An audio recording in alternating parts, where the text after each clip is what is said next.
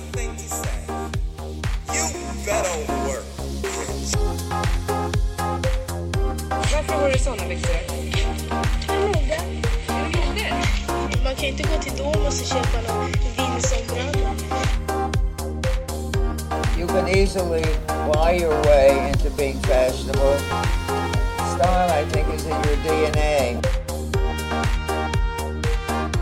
tre söta flickorna igen. Och de är under hela den här uppvisningen klädda i svenska kläder. Importen från Paris andra modercenter är stängd, men det går ju bra i alla fall, eller vad säger publiken? Det är svensk produktion i fullkomlig internationell klass.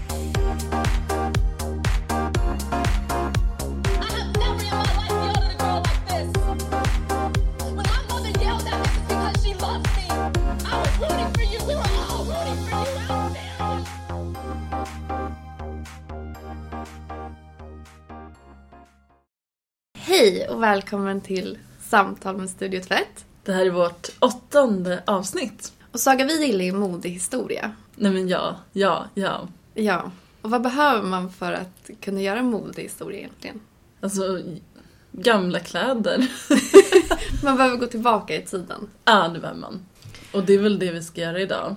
Ja, för vi ska gå in lite på yrket textilkonservator. Ja, precis. Eh, Det är de som tar hand om gamla kläder på museer. Jag tycker det är intressant överhuvudtaget det här med samlingar av kläder på museum. Det är ett ganska nytt fenomen. Ja, men Victorian Albert Museum i London, de är ju ändå så här ganska världsledande inom modeutställningar idag. Och de har ju bara samlat på kläder sedan 1850-talet. Det är inte så länge egentligen. Nej, det är inte alls länge. Men eh, frågan är om det kan vara att just det här med fenomenet att ha märken på kläder kom ganska sent. Ja, att man inte tyckte det var värt att spara på helt vanliga plagg innan dess. Exakt. Men det är ju tråkigt för att våra kläder säger ju väldigt mycket om hur vi lever. Och vill man ta reda på hur, hur människor klädde sig på, ja men säg vikingatiden, medeltiden, då har man inte jättemycket att utgå ifrån för det finns helt enkelt inte så mycket sparat. Nej, alltså med ny teknologi kan man ju lättare och lättare hitta kanske fibrer från restplagg och sådär. Men man får ju verkligen gissa sig fram. Ja, från Birka till exempel så finns det väldigt många små textilfragment som man har hittat och då kan man göra typ kol 14 tester och ta reda på så här, ja men ullen, var betade korna som den här ullen kommer ifrån? Kan man få veta om det är lokalt eller importerad ull? Men hur själva plagget såg ut är lite svårare. Så långt bak. Man har hittat vissa riktigt gamla fynd såklart i gravar och ja, men, saker som har bevarats i rätt liksom, omständigheter. Ja, och många kanske inte ser värdet i att bevara just kläder för man kanske tänker mode och kläder som ytligt.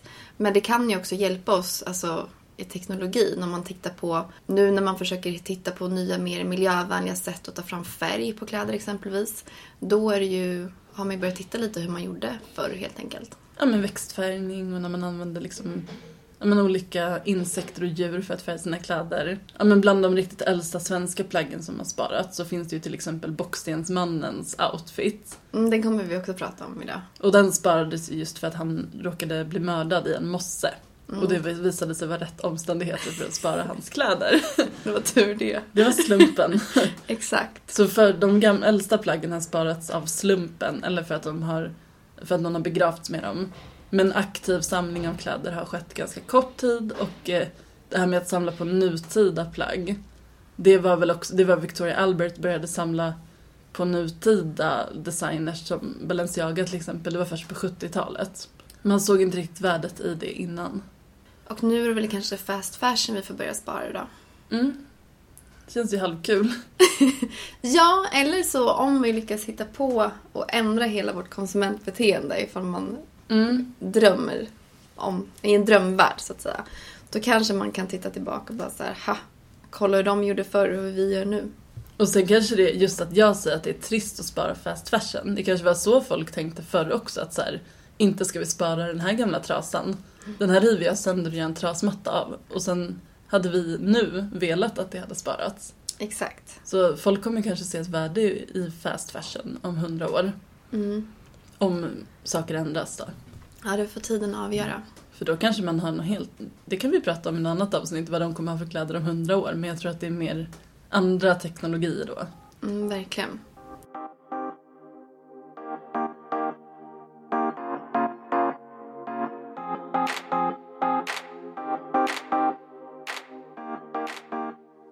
Bruket av att samla kläder på museer kan spåras tillbaka ända till 1700-talet då många europeiska museer började ta med textilier i sina samlingar. Men den systematiska insamlingen och bevarandet av kläder som i form av kulturarv fick dock inte stor spridning förrän på 1900-talet. En av de tidigaste museerna som samlade kläder som en del av sitt uppdrag var Victoria and Albert Museum i London. De började samla in textilier i mitten av 1800-talet. Ett annat museum som är väldigt omtalat är Costume Institute vid, vid Metropolitan Museum of Art, långt namn, i New York. Är det Met? Met, precis. Den, den, ehm, den omnämns också som Met-museet, tror jag. Men det här är det långa Det är de som har Met-galan. Exakt. Eh, och de är nu en av de mest kända, de är det museum som är mest kända för sina stora samlingar av mode och textilier och de grundades redan 1937. Idag har många museer runt om i världen betydande samlingar av kläder och textilier. Allt från traditionella folkdräkter till high fashion. I Sverige har vi Nordiska museet i Stockholm, Textilmuseet i Borås och Livrustkammaren i Stockholm för att nämna tre exempel som sticker ut som fokar på just klädhistoria. Dessa samlingar används för att studera historien om kläd, klädsel och mode samt för att inspirera samtida designers och konstnärer. Och eh, man kan ju fråga sig varför samla på kläder? Det har man gjort. Det var därför man började göra det seriöst så pass sent i historien. Men det finns ju flera anledningar. Eh, och eh, det, det är ett kulturarv helt enkelt, det vi har haft på oss. Kläder har en historisk betydelse eh, och har spelat en viktig roll i mänsklighetens historia. Eh, och i kläderna kan man ju också se olika förändringar i samhället, kulturen, tekniken, polit- politiken, revolutioner och så vidare. Eh, och eh, mode har såklart också en konstnärlig betydelse. Det är viktiga konstnärliga uttryck och många ser mode som konstverk gjorda av eh, kreatörer, konstnärer. Och många modeskapare idag går ju ofta, man kan ju se referenser tillbaka i tiden. För att de har varit och kollat i någon samling, kanske på Victoria and Albert eller Met. Och eh, sen är det också ett utbildningsvärde såklart. Eh, studenter och alla som vill lära sig mer går ju till museer och arkiv och samlingar för att förstå liksom dåtiden och samtiden, livsstil och eh, kulturer. Och eh, kulturellt bevarande, det är som sagt en viktig del av vårt kulturarv. Och eh, speglar traditioner och seder också som har funnits i olika samhällen runt om i världen, tänker jag. Eh, och det är ofta man hittar typ i arkeologiska utgrävningar och så. Och kanske hittar en toffel eller något och lär sig lite mer om den tiden. Men eh, för att ta reda på hur man tar hand om plaggen då, så finns det alla samlingar. Då tänkte vi så här, att vi ska prata med en textilkonservator idag som jobbar på Nordiska museet i Stockholm. För att eh, de har ju också samlat på kläder rätt länge sedan, sedan de öppnade på 1870-talet. Så vi kommer ha vår första gäst idag. Ja, det ska bli jättespännande för just det här yrket tycker jag som sagt är jättespännande och så, så viktigt. Ja, men ska vi köra igång? Ja, gör er redo för att träffa vår första gäst då. Marie Schön.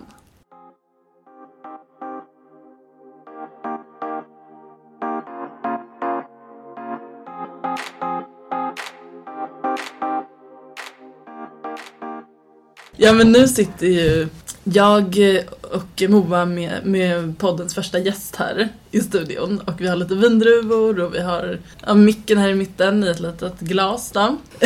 Marie, kan inte du berätta om dig själv? Hej, eh, jag arbetar som textilkonservator.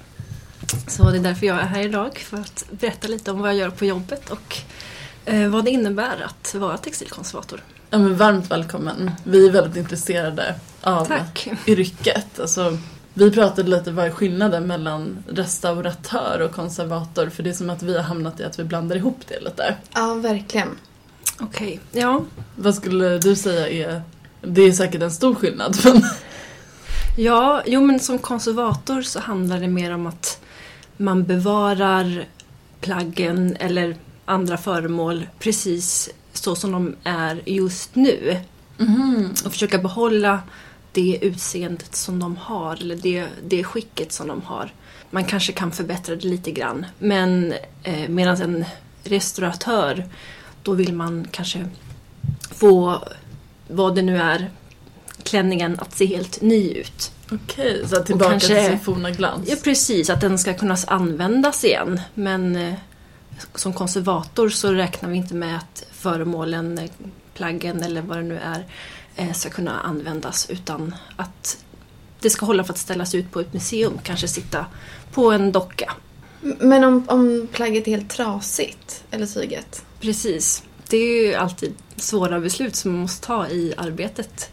Då får man tänka på vad kommer de här skadorna av? Är, det, är skadorna viktiga för plaggets historia? Det kanske har eh, hänt någonting med plagget som har historisk betydelse. Någon som blev skjuten till exempel och då vill man ju inte sy igen det där hålet för det Nej. kan vara viktigt. Men eh, om det, det bara är skador som har kommit av att plagget har eh, förvarats på ett sätt som gjort att det har gått sönder, då kan man såklart eh, sy ihop de revorna så att det går att hänga upp igen till exempel. Mm. För det kanske skadas mer om det liksom är ett litet hål och så hänger man upp det och så blir det tyngd och så Precis. dras det ut ännu Precis. Men samarbetar man då mycket med typ så här historiker, arkeologer? Precis, på museet så jobbar vi tillsammans eh, med eh, in, intendenter men självaste konservatorsarbetet är ganska självständigt och just de här frågorna som rör föremålet och dess bevarande det tar eh, ofta konservatorerna själva.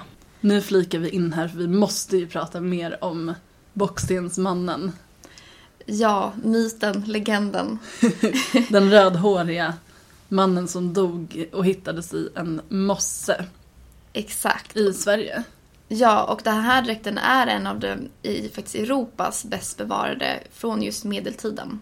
Och den är ju från runt mitten på 1300-talet och det som är så speciellt är att man hittade inte bara ett plagg, eller en detalj, utan man hittade en hel outfit bevarad i, en, i mossen då. Eh, Så att man kan verkligen se hur den här mannen hade burit de här olika plaggen tillsammans. Det är ju typiska medeltidsplagg man ser. Ja, och hela dräkten består liksom av sex olika delar kan man säga, så det är ju väldigt unikt. Eh, Och vi tänkte väl gå igenom alla de här sex delarna. De har ju väldigt speciella eh, namn. Vi tar det lite snabbt då. Exakt. Struthettan. Struthettan, ja. Det var ett av de mest kar- karaktäristiska plagget. Eh, och man kan säga att det fungerar lite som en mössa slash halsduk. Och det var ju bra för det var ganska kallt. Det är kallt i Norden. Så man virade in sig i den här när man var ute på strövtåg. Ja, och just den här struthettan sa väldigt mycket också om dåtidens eh, mode. Och eh, han bar också en mantel som idag har utvecklats mer till vad vi kallar för en rock eller kappa. Men manteln var ju mer av en stor fladdrande liksom sjok med öppningar för, eh, för att man skulle kunna sticka ut armarna liksom. Och sen så har vi skjorten. Som är som en lång skjorta som var liksom medeltidens basplagg kan man säga. Och eh, när man tittar på bilden ser det nästan ut som en eh, klänning för den är väldigt insydd i midjan. Ja, på den här tiden så var det inte så stor skillnad på vad män och kvinnor hade på sig. Vilket, eh, när vi tittar tillbaka så kanske vi blir förvånade. Men då var det ganska naturligt att alla bar kjortel. Eh, kan man nog också kalla för kanske klänning, tunika idag. Och eh, det, det tog rätt lång tid innan män och kvinnor började klä sig sådär väldigt olika faktiskt. Exakt. Och runt den här skjortan så bars det även som ett kraftigt eh, läderbälte utanpå skjortan där man då kunde ha plats för knivarna. Hosor, det var en lång strumpa som användes istället för byxor. Som man höll uppe med hjälp av läderremmar i det här bältet. I ett bälte, fast det var under skjorten, så det var ett till bälte under skjorten då. Som höll strumporna på plats, eller hosorna. Ja, och sen har vi fotlappar. Och det bestod liksom av återvunna plagg som man liksom virade runt foten. Man kan beskriva det lite som en, eh, som en toffla. Det var väl för att hålla värmen helt enkelt. Och eh, sen överst, eller ovanpå fotlapparna hade man liksom en sko av, av läder med en plattsula. Jag skulle säga att så här, har man sett Ronja Rövardotter så har man nog sett ungefär hur han var klädd. Mm. Man har också landat i att han tillhörde en högre klass för att han hade just här, ganska bra material i sina plagg. Som inte vem som helst eh, kunde ha på den tiden. Och det verkar väl som att han blev mördad där i mossen. Och den här dräkten eh, har ju liksom gått igenom en ganska omfattande konservering och restaurering eh, under 1900-talet. Där man har, jag tror att man liksom har fått sy ihop vissa delar på nytt och man har försökt tvätta det som har gått att tvätta. Eh, den är idag ganska liksom brundassig. Men vi kan ju gissa att den har haft lite mer färger faktiskt för på medeltiden kunde man ha men klar rött och man hade mycket färger. Verkligen. Blått och grönt och sånt, och gult. Och, eh, men den här boxningsmannen har ju, eller är ju väldigt intressant just för forskare och gör man lite mer research så finns det otroligt mycket material och olika artiklar. Man har liksom velat gå in lite i hans liv och få reda på vem är den här boxningsmannen. Och det är väl också intressant att hans hår sparades på skallen. Eh, Han var rödhårig. Ja, otroligt. Sen ett annat väldigt gammalt plagg eh, som har hittats i Sverige. Det är Gerumsmanteln. Den har jag sett på Historiska museet. Det är, alltså så här, vid första anblick så kanske inte den ser mycket ut för ögat. Den är liksom brun och ganska ful men den är ganska stor, lite så halvcirkelformad nästan. Och vävd i ull. I en shapet-teknik. Men sen är det ju jätte, jättemånga som har undersökt den här närmare. Och bland annat kommit fram till att det var eh, den vävdes av två olika personer som vävde från varsitt håll. Så man ser liksom någonstans i mitten på tyget att eh, de har liksom nått fram med tråden till varandra men den ena kanske hade lite längre arm. För att det är lite osymmetriskt hur de har vävt. Sådana detaljer kan, man liksom, kan liksom den här manteln berätta.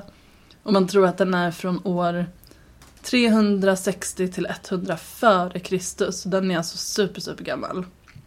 Jag tror att det är Sveriges äldsta hittade plagg. Och den har ju liksom som små stickhål som man gissar kommer från knivhål. Så det här kanske också är ännu ett mordoffer. Det är många som har dött i mossar. Kanske finns ännu fler att upptäcka. Och även den här manteln har ju liksom forskats lite som ett eh, kriminalfall kan man säga. Men om man, och vävningen är ju otrolig. Ja, nej, den här rekommenderar vi att man går och tittar på på Historiska.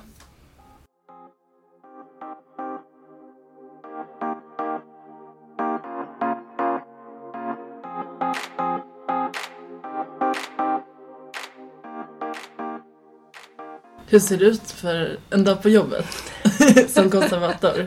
Det kan skilja väldigt mycket. Det för just att vara konservator kan innebära så många olika saker. Det är både då aktiv konservering som vi kallar det när man arbetar med föremålet och syr eller gör rent. Ehm, och eh, preventiv konservering, då handlar det mer om eh, föremålets, hur det är bevarat eh, i museimagasin till exempel. Eller hur eh, det är eh, i utställningen. Man får göra översyn av utställningarna och eh, se så att föremålen inte tar mer skada. Kolla hur de mår liksom. Precis. Sen kan det också vara att montera inför utställningar, åka, på, ut, åka iväg med föremål till utlån till exempel, till andra museer som vill låna. Det måste ju vara lite läskigt. Ja, absolut. Vi hörde ju om Carolas dräkt som hade lånats från schlagerfestivalen Jaha, och som sen försvann. Ja, den hade suttit på någon sån vaktstocka i något museum och sen lånats ut. Och nu, jag vet inte om den fortfarande är borta, men den försvann i alla fall. oj. Ja, det finns ofta ganska mycket regler och, och sådär som man måste fylla i när man ska låna. Men måste man ha speciella kläder när man jobbar med gamla plagg? Inte egentligen, men ofta har man eh, en eh, vit rock och eh, handskar på sig. Både för att skydda kläderna från smuts och fett som man har på händerna till exempel. Men också för att skydda sig själv. Det kan ju finnas smuts och giftiga ämnen på gamla föremål som man inte kan se. Vad Är det typ färgämnen som är giftiga? Eller? Ja, det kan vara både från produktionen men också från tiden som föremålet har varit på museet. Det kan ha blivit behandlat med eh, malmedel till exempel under slutet av 1900-talet så använde de ganska starka eh, gifter för att ta död på malen men det skadar ju även människor. Ja, malen var ju största boven. Verkligen. Mm. Men, men jag, jag tänker mig att man har kläderna eller textilerna i ganska kalla rum. Att man vill ha dem nedkylda? Ofta är optimal temperatur för ett magasin ungefär vid 18 grader. Mm. Så det är, Svalt? det är precis svalt men ändå så att människor ska kunna vistas där inne. Men eh, såklart pälsar eh, mår bäst av att förvaras i kylrum i ungefär 5 grader. Och luften, ska den vara... Jag tänker att den inte ska vara fuktig. För textil så är den ultimata luftfuktigheten mellan 40 och 60 procent. Så ofta vill man ha det på ungefär 50. Okej, Så och vad är, det är- vad är en vanlig luftfuktighet? Typ i det här rummet? Eller om man jämför? Precis, på vintern eh, så i, i ett vanligt rum så kan luftfuktigheten vara ungefär 20-30 procent. Okej, men då är ändå ganska... För jag tänker att det finns en risk för mögel om det är fuktigt. Precis, över 60 procent, eh, upp mot 70, då är det risk för mögel. Så därför vill Okej. man hålla det För då måste det 60. varit fuktigt när jag bodde i Berlin. För då blev det alltså så här, i alla lägenheter så fick man ha en avfuktare för att det blev mögel i hela garderoben. Det var Precis. jätteäckligt. Mm. Det är jag liksom alltid rädd för fortfarande fast här är det väldigt torrt så det är ingen risk i Sverige kanske. Nej, det är mer på Men väl sommar inte i så fall. Mm. Men sen också är väl solljus en stor bov. Precis, ljus är ju väldigt skadligt för textil och det är också en skada som inte riktigt går att reparera. Säger. Om, om färgen försvinner från ett föremål på grund av att det bleks i, i ljuset så går det inte att få tillbaka den igen. Så det är något som jag ofta arbetar med när man ställer ut för textil. Att ta så lågt, så mörkt som möjligt men man vill ändå kunna se dem. Men Men tänker man på det när man bygger ett museum då, att inte ha fönster överallt? Precis, det gör man. Så, så lite liksom naturligt dagsljus som möjligt och för att man ska kunna kontrollera eh, ljuset. Ja, textilkonservatorer gör ju liksom allting för att bevara historiska plagg. Så att vi ska kunna se dem på museum. Ja, men för ett litet kul inslag i det här avsnittet så tänkte vi prata lite om men hur gör man för att ta vara på sina kläder som man faktiskt har hemma? Gör sin egen garderob så att den ska bevaras. Exakt, de kanske en dag kommer till ett museum, det vet man ju inte. Och nu är det ju ja, snart vår förhoppningsvis och då är det ju dags att liksom skifta kanske vinter mot vår och sommargarderoben. Och då finns det ju lite man kan tänka på. Först och främst så ska man packa undan sina gamla vinterkläder. Då. Ja, och en, en grej som jag alltid gör just med så här kappor och eh, varmare dun, eh, inte dun men ja, vinterjackor är att eh, vädra. Mm, bara ut på balkongen. Exakt, för att kyla ska man också tänka på. Det tar bort mycket av så här pälsänglar och annat som kan ha gottat in sig i plaggen. Och nu kanske man inte har så mycket päls nu för tiden, men har man päls då ska ju den helst förvaras i kylen under den varma årstiden. Ja, för tittar man tillbaka till 1900-talet och speciellt mitten av 1900-talet så då man bar just mycket minkpäls och andra fina pälsar då så gick man till en liknande kemtvätt under vintern, eller vad säger jag, sommarhalvåret och eh, använde deras, betalade för deras kylgarderob helt enkelt. Kan man göra nu också kanske, vem vet? Ja, det är det bästa sättet. För päls har ju förmågan att likt så viss plast, att det kan torka och nästan liksom, ja men, gå sönder helt enkelt. Och ifall man är som de flesta kanske som förvarar sina kläder typ i källaren eller i någon, så här, någon tyggarderob någonstans. Eh, för att undvika skadedjur. Det bästa är ju att använda om man ska vika ner kläderna, att man använder liksom täta plastlådor, alltså från typ så här Clas Ohlson, Ikea eller liknande. Och att man ser till att eh, tvätta och eh, vädra kläderna innan och att plastboxarna också är rena. Och där kan man också se ifall man packar upp en låda från eh, förrådet att tömmer man den så kan man ibland se död mal eller silverpälsänglar och då är det tecken på att ja, men här kanske man måste tvätta rent eller gå igenom. Och eh, man kan ju också lägga i, för att undvika skadedjur, så finns det ju många som lägger just cederträ eh, från röd ceder och lavendelpåsar bland sina kläder. Och det är inte bara för att det ska lukta gott. Nej, cederkulor har ju förmågan att eh, ja, skrämma bort just pälsänglar och andra skadeinsekter. Och man kan ju tänka sig att lavendelpåsar endast är för doften men faktum är att de har samma eh, förmåga. Det är något visst ämne där som skrämmer bort de små liven. Ja, och får man då lite inspiration att eh, faktiskt ta vara på sin vintergarderob nu när det blir lite varmare tider så finns det faktiskt en väldigt bra hemsida som heter just Skadedjursbutiken. Där man kan hin- inhandla allt från cedermalkulor till eh, lavendel och allt annat. Där det också finns väldigt mycket information. Det är faktiskt bra present också det folk tycker jag. Toppen En bra påse present. cederkulor. Ja, när jag upptäckte den här sidan så var det otroligt kul att bara eh, scrolla runt. Och sen så här, som vi brukar göra, vi försöker ju ändå bli bättre på att ta hand om liksom våra kappor och sådär. Att bara så här, ta en klädborste och borsta av kappan. Ja, en klädborste är A och O. För om man tar en plast, alltså roller, så tenderar det också att plasten fastnar och det kan göra att, att man lättare får noppror eller liknande.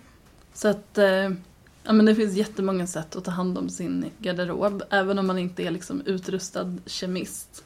Och förhoppningsvis kan då kläderna räcka ända till barn och barnbarn. Framtida museer, vem vet? Exakt. Klädvård är framtiden.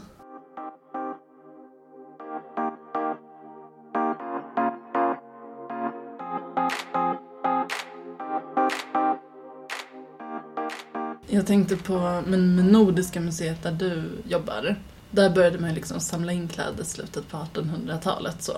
Men innan dess var det liksom ingen riktigt som hade någon klädsamling på museum. Det är väl ganska nytt ändå. Ja, nog- var nog ganska tidiga just med eh, liksom dräkter, att samla på det. Och de har ju också en väldigt bred samling. Just att de har den här folkliga dräkterna och de har modedräkt från eh, de högre klasserna men även arbetarkläder som är slitna och liksom massa hål i. Så det är ju väldigt, det är en väldigt härlig blandning. Ja, det är inte så vanligt att man sparat. Verkligen inte. Det finns ju några andra museer i Sverige som också samlar på mode men det är ofta just då märken och sådär designers som man vill samla på. Den här NKs franska utställningen, den har du jobbat med va? Ja, precis. Det var ett väldigt roligt projekt. Ja, det kan jag tänka mig. Berätta. Ja, jag blev då anställd för att både konservera och montera, som vi kallar det när vi klär på då på docka. De här fantastiska klänningarna och dräkterna som är med i utställningen. Ja, jag har varit på den. Det var otroliga klänningar. Och det hantverket är helt fantastiskt, verkligen. När man ser på insidan och eh, hur eh, allting är konstruerat och sytt. Det är väldigt intressant. Och det här är plagg som liksom bara samlades in från privatpersoner. Precis, det är väldigt mycket av utställningen som är från privatpersoner. Det gjordes i ett upprop av eh, den, an- Susanna Strömqvist som eh, hade först en idé till en bok men som sen blev också en utställning. Eh, Så då hade de det här uppropet och eh, fick in väldigt mycket plagg från privatpersoner. Och sen gjorde de ett urval och eh, har även lånat in från museer i Sverige och Nordisk ha- hade också en del eh, i sina magasin som de har plockat fram. Hade folk tagit hand om sina plagg då? Hur var skicket? Väldigt blandat. Väldigt blandat. eh, ibland så kommer de i fina eh, Garderober. klädpåsar eller Mm. precis garderober eller, eller så kan det bara vara en eh, IKEA-kasse. Ja, man tänker ju att folk skulle ta hand om plagg som är sydda på liksom en fin ateljé, men Precis, men många vet inte, eller visste i alla fall inte vad det var för någonting. Nu är det ju verkligen eh, så att det har blivit mer eh, känt. Det finns ett större intresse. Precis. Men det märker man ju också för jag tycker att det finns mer och mer den här typen av utställningar i Sverige. Ja, och det är jättekul att mode får, får mer plats på museer. Och att textil får större... Liksom en, att textil får eh, högre status. Mm. Och för den som kanske inte har varit på utställningen så var ju då NKs franska damskrädderi ett skrädderi som fanns på, på Nordiska kompaniet i Stockholm. Från 1902 till 1966 har jag för mig att det var. Eh, vi har ju båda en koppling till NK. Eh, jag har jobbat med content för varuhuset. Och jag har jobbat extra på varuhuset. Eh, Så att när, när man bestämde sig för att göra en utställning på Nordiska om NKs franska och man ville samla in plagg, då hade man insamlingarna på NK. Alltså fick folk komma och lämna in sina gamla plagg. Och eh, jag intervjuade även Susanna Strömqvist då, som skapade utställningen under den här processen. Och det jag tyckte var så himla spännande var att hon berättade om när hon hade fått in alla plagg, då analyserade ju hon tillsammans med konservatorer på Nordiska eh, alla plagg för att ta reda på vilken tid de var ifrån och så. Och det var ganska länge en gåta exakt vilket, alltså vem som från början hade beställt vilket plagg. Tills hon kom på att man kunde vända på etiketterna som satt på plaggen. För de hade ju etiketter där det stod liksom Nordiska kompaniet eh, eller NK Franska. Och när man vände på de etiketterna på baksidan så stod det vilken kund som hade beställt plagget. Så de kunde få namn på plaggen. Till exempel, här, här har vi en bild på en etikett där det står Karin Sachs. Som antagligen var gift eller dotter till grundaren av NK som hette Josef Sachs, här för mig. De fick också in väldigt många fina berättelser om de här plaggen då. Eller folk som hade minnen från Nordens Paris, eller NKs franska då som det hette på riktigt. Vi kan väl ta ett eh, exempel på en fin berättelse från Nordens Paris. Min farmor var springflicka på NKs franska 30-talet. Hon har berättat mycket om alla fantastiska tyger och att hon varit på många adresser och lämnat fina kläder. Oftast blev hon hänvisad till köksingången. Så var det då. En berättelse som jag tänker på varje gång jag tappar en knappnål är att springflickorna sopade golvet och la allt damm i en hink. En gång om året gick flickorna upp på taket och silade dammet för att, åter, för att återvinna alla knappnålar. Det låter ju typ lite omständigt. Jag hade bara tagit en magnet. De kanske inte hade magneter på samma sätt, eller jag vet inte. Nej, det var deras sätt. Ja, men jag, jag hade gjort samma sak. Men hela den här, eh, ja men det här med just att analysera gamla plagg. Eh, det har jag gjort då också nu när jag pluggar textilvetenskap. Jag tänkte berätta hur man gör. Eh, för när man får ett, helt, alltså så här, ett plagg som man inte vet någonting om överhuvudtaget. Hur, hur man gör då för att ta reda på mer om det. Jag skulle säga att nyckeln är att man ska ställa sig själv rätt eh, frågor. Och gärna ha med sig en checklista. Och, eh, så jag hade en checklista med mig med frågor.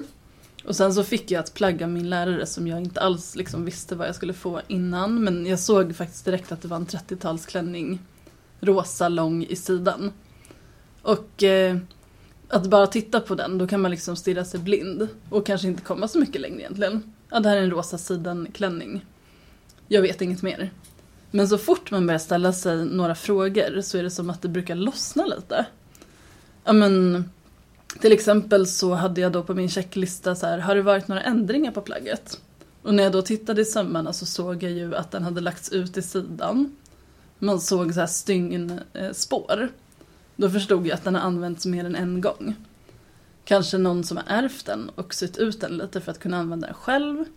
Och sen var det så här, är det några skador eller fläckar? Ja men då var det svettfläckar på den. Då har ju någon dansat mycket i den och haft väldigt kul. Ehm, och det var även lite bläckfläckar och då tänkte jag att det kanske är ett barnbarn som har kommit över den här senare och ritat på den. Så att så här, får man frågor så kan man ofta liksom hitta ett svar i plagget. Och så kan man ju nästan gå in i plagget och leva med, med det själv. Hur var det att vara på den här festen?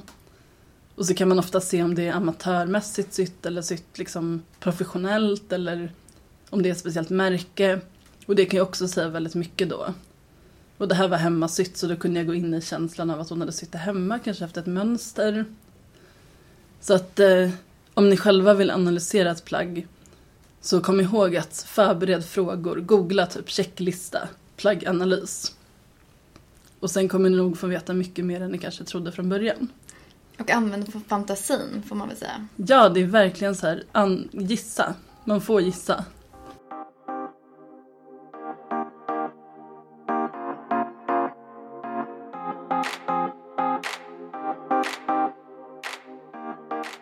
Men har du något så här extra minnesvärt projekt? Som har varit lite extra? Oj. Jag tänker mer från förr i tiden, eller gamla plagg. Eller kanske något plagg som så här, du inte kan glömma liksom. Ja, Ja, NK Franska eller Nordens Paris-projektet var ju verkligen, det är oförglömligt men ehm, jag har också jobbat en del med andra plagg från eh, 1700-talet till exempel. Och det var en väldigt eh, vacker eh, blå kofta i siden med små rosetter fram och ett tryckt eh, kattdunfoder. Och den såg ut att vara nästan helt ny. häftigt. Det var häftigt. Ja. Alltså, nej men jag har också sett liksom både plagg och föremål på museum som ibland ser bättre ut än det jag själv har. Som Ja. är hemma. Precis. Det, det, är, det är lite fejk och trolleri ibland. Man, man försöker få plaggen att se bättre ut än vad de egentligen är. Och det kan man göra med hur man eh, sätter på det på dockan eller med, ofta med ljuset Okej. för att dölja fläckar och sådär. Så det är hemligheterna bakom. Precis. Men vad fick in dig på det här spåret liksom? Jag har alltid älskat textil och mode. ehm, Så jag visste att jag ville jobba med det. Eh, Och sen upptäckte jag, av en slump kan, kan man väl säga, eh, konservering. Då tänkte jag varför inte, jag kan väl prova på. och det visade sig att det passade perfekt. Ja, men hur ser en utbildning ut? På Göteborgs universitet så har de en eh, treårig kandidatutbildning. Och den har nu, det ser nu lite annorlunda ut än vad det gjorde när jag utbildade mig. Och då kunde man inrikta sig redan på kandidaten. Men nu kan man istället gå en masterutbildning där man kan eh, specialisera sig på textilkonservering. Men det är ett svårt yrke. Jag tycker det låter svårt. Det beror på kan man säga. Man, det krävs väldigt mycket tålamod och ja, men, hantverksskicklighet skulle jag säga. Jag tror att jag blir nervös av tanke på att liksom råka förstöra ett gammalt ovärderligt plagg. Ja, ja. ja men, nej, men det, det är ett, eh, ett tvärvetenskapligt yrke kan man säga. Det är även mycket kemi som man kanske inte tänker på. Har du något exempel på när man får vara kemist? Eh, ja, men eh, alltså att, att eh, tvätta en textil, det är ju det är kemi. Alla reaktioner som händer när man stoppar i eh, tyg i vatten och hur, vad är det för ämnen i fläckarna och vad är det för ämnen som man har i, i tvättmedlet och hur reagerar det med textilen och, och fläckarna. Men om någon skulle vara intresserad av att bli konservator som lyssnar just nu, är det ett yrke du skulle liksom rekommendera? Absolut, men eh, man måste tänka på att det är ganska eh, svår eh, konkurrens om jobben med det. Är det. Men det är väldigt roligt. Finns, fin, är det ont om konservatorer eller är det för många? Jag skulle säga att det är ganska bra balans just nu. Men märker man att det kommit lite mer så nya teknologier för att göra, göra den processen enklare? Inte så jättemycket faktiskt. Nej. Men det, det finns ju såklart nya tvättmedel som man använder. Mm. Och hur ser viljan ut liksom? Ja, men finns det resurser för att konservera och ta hand om all textil som man vill spara på museer? Eh, generellt så är konservering det är ganska tidskrävande. Eh, så ofta så finns det inte tid och pengar till att göra allt man vill. Så Mm. man, man får ofta kompromissa och prioritera det som är viktigast. Vilket brukar anses vara viktigast? Eh, om man ska till exempel göra en, en aktiv konservering av ett plagg så kan det ju vara då att säkra de där revorna som kan riskera att bli Mm. större. Och inte tvätta bort fläckar till exempel. Jag tänker också att fläckar kan säga en del. Verkligen. Typ om du kon- konserverar ett plagg. Kan du tänka dig lite historien? Vad, som kan vad det kan ha varit med om så? Absolut, absolut. Det är, ofta känns det som att man kommer väldigt nära den personen som har använt plagget. Det kan finnas eh, fläckar och lukter.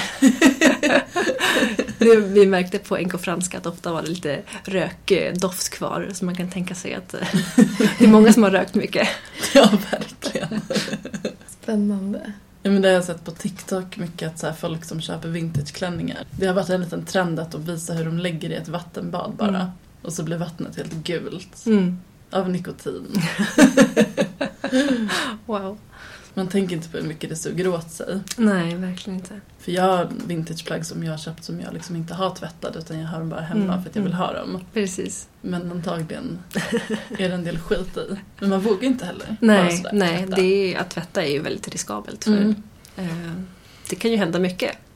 Färger kan blöda och tyger kan krympa. Så det är att tvätta något det är verkligen inte något som vi gör eh, särskilt ofta. Jag kör mycket vädring. Att man vädrar mycket. Det tänker jag det måste vara det bästa. Ja, absolut. För, för sina egna plagg så Mm. är det väldigt bra. Men varför är det viktigt liksom att visa kläder Just på det. museum? Ja, men för att eh, det är viktigt tycker jag för att man ska kunna få en, en liksom, verkligen idé om hur plagg faktiskt såg ut för Eh, Man kan ju se på fotografier eller illustrationer men de kan ju vara retuscherade eller illustrationer är ofta väldigt överdrivna. Så att få se plaggen i verkligheten, eh, det är ju en helt annan sak. Vad är ditt drömprojekt att jobba med som konservator? Oj, wow. Eh, men det är ju verkligen att få jobba med, med eh, olika designerplagg från eh, mitten eh, av 1900-talet. Det, det tycker jag är helt fantastiskt. Vad är det som är häftigt med dem? Men det är men hantverket och man ser hur skickliga både sömmerskor, tillskärning och ja, men konstruktionen är ofta så häpnadsväckande eh, innovativ. Mm. Och just hur de får till olika former och så i plaggen. Ja, vi får hoppas att det blir fler designerutställningar. Absolut. Ja. det ser jag fram emot. ja. Men finns det några eh, material som är svårare att bevara än andra? Ja, det finns det verkligen. Ehm, om man tänker på siden från slutet av 1800-talet, början av 1900-talet, då var det väldigt populärt att man eh, förtyngde sidentyger. Man behandlade dem alltså med olika metallsalter för att tyget skulle få mer fall. Och eh, det resulterar idag att tygerna går sönder av nästan ingenting. Så man kan knappt röra vid dem utan att de eh, bara går sönder av sig själva. Sidnet äter upp sig själv, Ja. säger man ibland. Intressant. Och Det, är- ja, det är väldigt intressant att man kan se en 1700-talsklänning som är i bättre skick än en som är 100 år yngre. ja. Men skulle det vara intressant att typ börja samla in fast fashion? Ja, men det tycker jag absolut. Det, Ja. det är så viktigt för vår samtid. Vi pratade lite om det. Att typ så här fast fashion förr, om man tänker H&M Mm. Tidigt vad ska man säga, 2000-tal eller 90-tal. Det är det är mycket bättre kvalitet än vad, än vad det är idag. Verkligen. Jag har kvar mina hm tröjor Ja, från... verkligen. Jag tror att idag skulle man inte 15 år se det sedan. som fast fashion på samma sätt. Nej. Men vi pratade också om det här ifall liksom, all polyester som man har i olika plagg nu. Mm. Om det bevaras länge eller om det skulle på något sätt också då äta upp sig självt. Det är ju väldigt intressant med just olika syntetiska material. Det kan man ju se lite grann eh, nu i klänningar från 60-talet. Att eh, det är väldigt eh, oförutsägbart hur de här materialen bryts ner. Ibland kan de nästan pulveriseras eller så stelnar de så att de blir helt... Ja, de tappar all sin flexibilitet. Så det, det är också... Ja, för plast kan ju komma från så många olika ställen. Alltså plast Verkligen. är alltid plast, men det Ja. kan ju vara från återvunna petflaskor till... Ja, men det kan ju bete sig väldigt olika. Precis. Och jag tänker stretchen kan ju bli slapp. Ja, man kan ju se, se själv liksom. nästan på kläder som man har haft Mm. ett tag.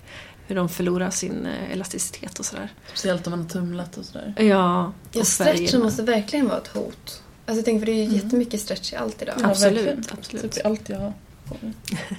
Nej, den är faktiskt stickad. Ja, det blir utmaning för framtidens konservatorer. Ja. Finns det något sånt museum du ser upp till? Alltså om man tittar utanför Sverige? Ja, ofta ser man, alltså V&A i London och Metropolitan i New York, de har ju ofta fantastiska eh, modeutställningar och eh, de, hur de eh, monterar och vilka dockor de har är väldigt intressant att titta på som konservator. Man inspireras av andra utställningar. Expert inom området. Marie Schön. Tack. Ja, men stort tack för att du var med i podden. Ja, tack själva.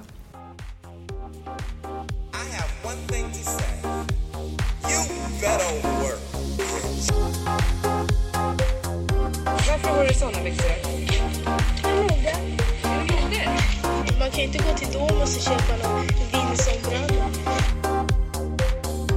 You can easily buy your way into being fashionable. Style, I think, is in your DNA. Tre söta flickorna igen. Och de är under hela den här uppvisningen klädda i svenska kläder. Importen från Paris andra modecentra är stängd, men det går ju bra i alla fall, eller vad säger publiken? Det är svensk produktion i fullkomlig internationell klass.